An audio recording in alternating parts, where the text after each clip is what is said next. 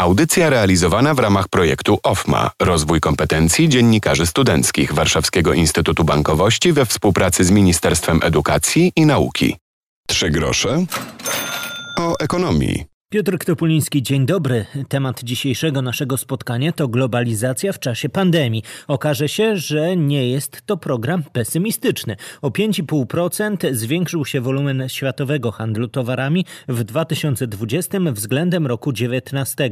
O ponad 1,5 punktu procentowego powiększył się udział Chin w światowym eksporcie w 2020 roku, gdy porównamy to z rokiem 2019, a o 14 setnych punktu procentowego udział Polski w światowym eksporcie w 2020 roku zwiększył się, jeśli znów spojrzymy na rok 2019. Mówi autor badania Polskiego Instytutu Ekonomicznego Łukasz Ambroziak. Polski eksport odpowiadał za 1,54% światowego eksportu towarów. Warto zauważyć, że był to największy wzrost udziału w eksporcie światowym pośród państw Unii Europejskiej oraz szósty najlepszy wynik na świecie. E, udało się to osiągnąć dzięki relatywnie e, niewielkiemu zmniejszeniu się wartości eksportu, bo otóż polski eksport towarów w 2020 roku e, zmniejszył się zaledwie o 0,3%. A kto był największym beneficjentem? Nie jest to zaskoczeniem, że Chiny były i są największym beneficjentem pandemii. W sytuacji, gdy światowy wolumen towarów zmniejszył się o 5,5%, e, tutaj e, eksport Chin rozwijał się w wyższym tempie, a udział Chin w światowym eksporcie zwiększył się o 1,6 punktu procentowego do 14,7%, co wynikało przede wszystkim z tego, że Chiny szybciej poradziły sobie z pandemią, zaprzestały właśnie różnych ograniczeń i gospodarka szybciej wróciła na normalne tory mogły właśnie zyskać na rosnącym popycie chociażby na dobra konsumpcyjne trwałego użytku.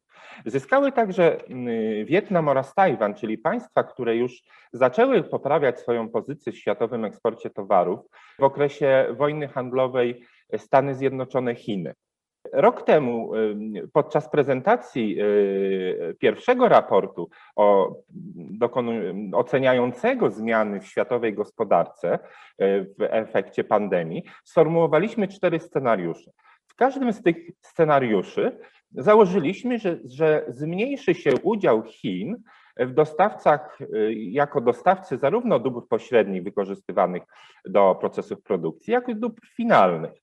Otóż e, tak też się e, nie stało, bo w pierwszym roku pandemii Chiny zyskały, jeśli chodzi właśnie o oba, obie kategorie dóbr, ale jednak rok pandemii to za mało, aby jednoznacznie potwierdzić lub wykluczyć tezę o spadku udziału Chin w światowym handlu. Eksporterzy e, w pewnych sektorach zyskali, a w których i dlaczego nieźle wypada polski eksport? O tym Łukasz Ambrosiak, Polski Instytut Ekonomiczny ma relatywnie wysoki stopień dywersyfikacji eksportu. Jeśli chociażby porównamy z państwami Grupy Wyszehradzkiej, to e, widzimy, że w tych państwach przemysł motoryzacyjny, wyroby przemysłu motoryzacyjnego mają duże znaczenie w eksporcie tych krajów. O tyle w Polsce ono było około 14% w 2019 roku, a więc można powiedzieć wyraźnie mniej niż chociażby na Słowacji i na Węgrzech.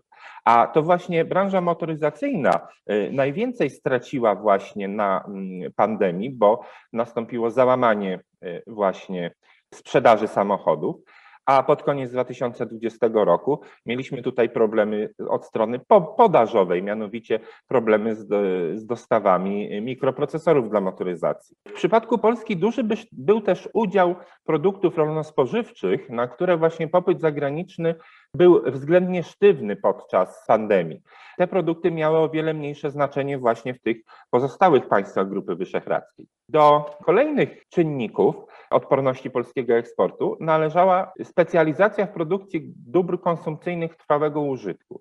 To, że właśnie Polska jest takim zagłębiem produkcyjnym wielu dóbr tego rodzaju, jak chociażby sprzęt AGD, sprzęt RTV, e, meble i eksportujemy je właśnie za granicę, to było naszą, można powiedzieć, siłą naszego eksportu, bo popyt na te towary w sytuacji, kiedy doszło do przesunięcia popytu z usług na towary, to właśnie te towary najbardziej zyskały i popyt na te towary wyraźnie, wyraźnie wzrósł. I jeśli spojrzymy chociażby tutaj na zmiany polskiego eksportu, y, to widzimy, że dwie kategorie, takie jak urządzenia elektryczne, czy komputery, wyroby elektroniczne i optyczne, y, mają one istotne znaczenie w polskim eksporcie, około 20%. Widzimy, że eksport tych produktów wyraźnie wzrósł. Ponadto Polska włączyła się aktywnie w łańcuchy dostaw związane z elektromobilnością. O ile w przypadku autobusów elektrycznych było to już wcześniej widoczne, Natomiast w przypadku baterii litowo-jonowych wiązało się ze wzrostem y, popularności elektromobilności właśnie w dobie pandemii, a w szczególności wynikało z rosnącego udziału samochodów elektrycznych w produkcji samochodów w Niemczech, do których właśnie Polska jest tutaj, Niemcy są największym odbiorcą tych baterii litowo-jonowych. I to właśnie Niemcy ze względu na zwiększony popyt na dobra konsumpcyjne trwałego użytku i rozwój elektromobilności działały stabilizująco dla polskiego eksportu w dobie pandemii. Brakuje jednak przesłanek, by rozpoczynał się proces jakiegoś masowego przenoszenia produkcji do Polski. Zwiększył się za to udział Chin w imporcie Polski. Cały raport na stronie Polskiego Instytutu Ekonomicznego. Jak na naszych oczach zmienia się proces globalizacji, mówi Ignacy Morawski, główny ekonomista Pulsu Biznesu.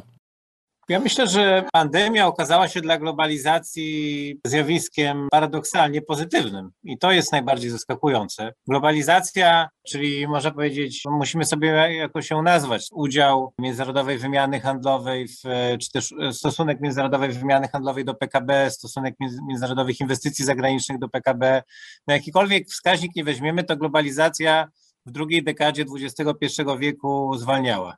E, zwalniała z dwóch najważniejszych powodów. Po pierwsze, był to efekt wolniejszego rozwoju gospodarczego po kryzysie finansowym, narosłych e, długów, mniejszej dynamiki wydajności pracy i generalnie mniejszej dynamiki PKB, ale był to też efekt e, rosnącego protekcjonizmu. Może tego protekcjonizmu nie widać nominalnie w taryfach, w tłach handlowych, ale widać go było w różnych miękkich regulacjach, które wprowadzały różne kraje. I kulminacją tego procesu była wojna handlowa rozpoczęta w 2018 roku między Stanami Zjednoczonymi a Chinami. Jak sobie spojrzymy na dane o handlu zagranicznym, to zobaczymy, że od momentu rozpoczęcia tej wojny handlowej w międzynarodowym handlu doszło do obniżenia dynamiki wymiany i, i spowolnienia generalnie aktywności. Więc ta wojna handlowa była taką kropką trochę nad i. Po generalnie słabej dekadzie przyszło jeszcze takie, taki cios e, w plecy. Przyszedł cios w plecy. Więc to była słaba dekada. I teraz przychodzi pandemia. Na początku pandemii mówi się, że to może całkowicie już rozbroić globalizację po tej słabej dekadzie, że łańcuchy dostaw się pozrywają. Tymczasem okazało się, że międzynarodowy system gospodarczy, szczególnie system przemysłowy, okazał się zaskakująco odporny i elastyczny po bardzo dużym załamaniu produkcji w kwietniu i maju 2020 roku nastąpiło bardzo szybkie odbicie, a od jesieni 2020 roku no, trwa wręcz boom e, przemysłowy na świecie, w, w, właściwie we, we wszystkich regionach świata. A oczywiście ten boom najbardziej odczuwają dwa najważniejsze huby przemysłowe świat, świata, te można powiedzieć ogromny hub azjatycki i mały hub środkowoeuropejski, czyli my. E, więc ja myślę, że, że ta odporność międzynarodowego systemu handlowego jest, jest takim najważniejszym zjawiskiem wartym uwagi. Firmom udało się utrzymać relacje handlowe, udało się podtrzymać kontrakty, udało się podtrzymać wymianę towarów. Stało się to w dużej mierze w warunkach e, zablokowanych podróży międzynarodowych, czyli trzeba było uruchomić e, kontakty cyfrowe, cyfrową wymianę dokumentów itd., tak itd. Tak to wszystko nie było łatwe, ale moim zdaniem pandemia tej globalizacji pomogła. Całość raportu przypomnę na stronie Polskiego Instytutu Ekonomicznego Tytuł to Globalizacja w czasie pandemii. I to wszystko w audycji. Przypomnę, trzy grosze o ekonomii warto znaleźć w ulubionych aplikacjach z podcastami. Tam także poprzednie tematy. W ostatnim czasie rozmawialiśmy m.in. o ekonomicznych medalach dla Polaków i o tym, co zrobić, jeśli coś podczas wakacji nie wypali. Odwołają nam lot albo biuro podróży e, odwoła wycieczkę. Nie życzymy sobie tego, ale warto wiedzieć, że prawo jest po naszej stronie. Trzy grosze o ekonomii to tytuł podcastu i tytuł naszej audycji. Słyszymy się za tydzień. Piotr Topuliński. Audycja realizowana w ramach projektu OFMA Rozwój kompetencji dziennikarzy studenckich Warszawskiego Instytutu Bankowości we współpracy z Ministerstwem Edukacji i Nauki.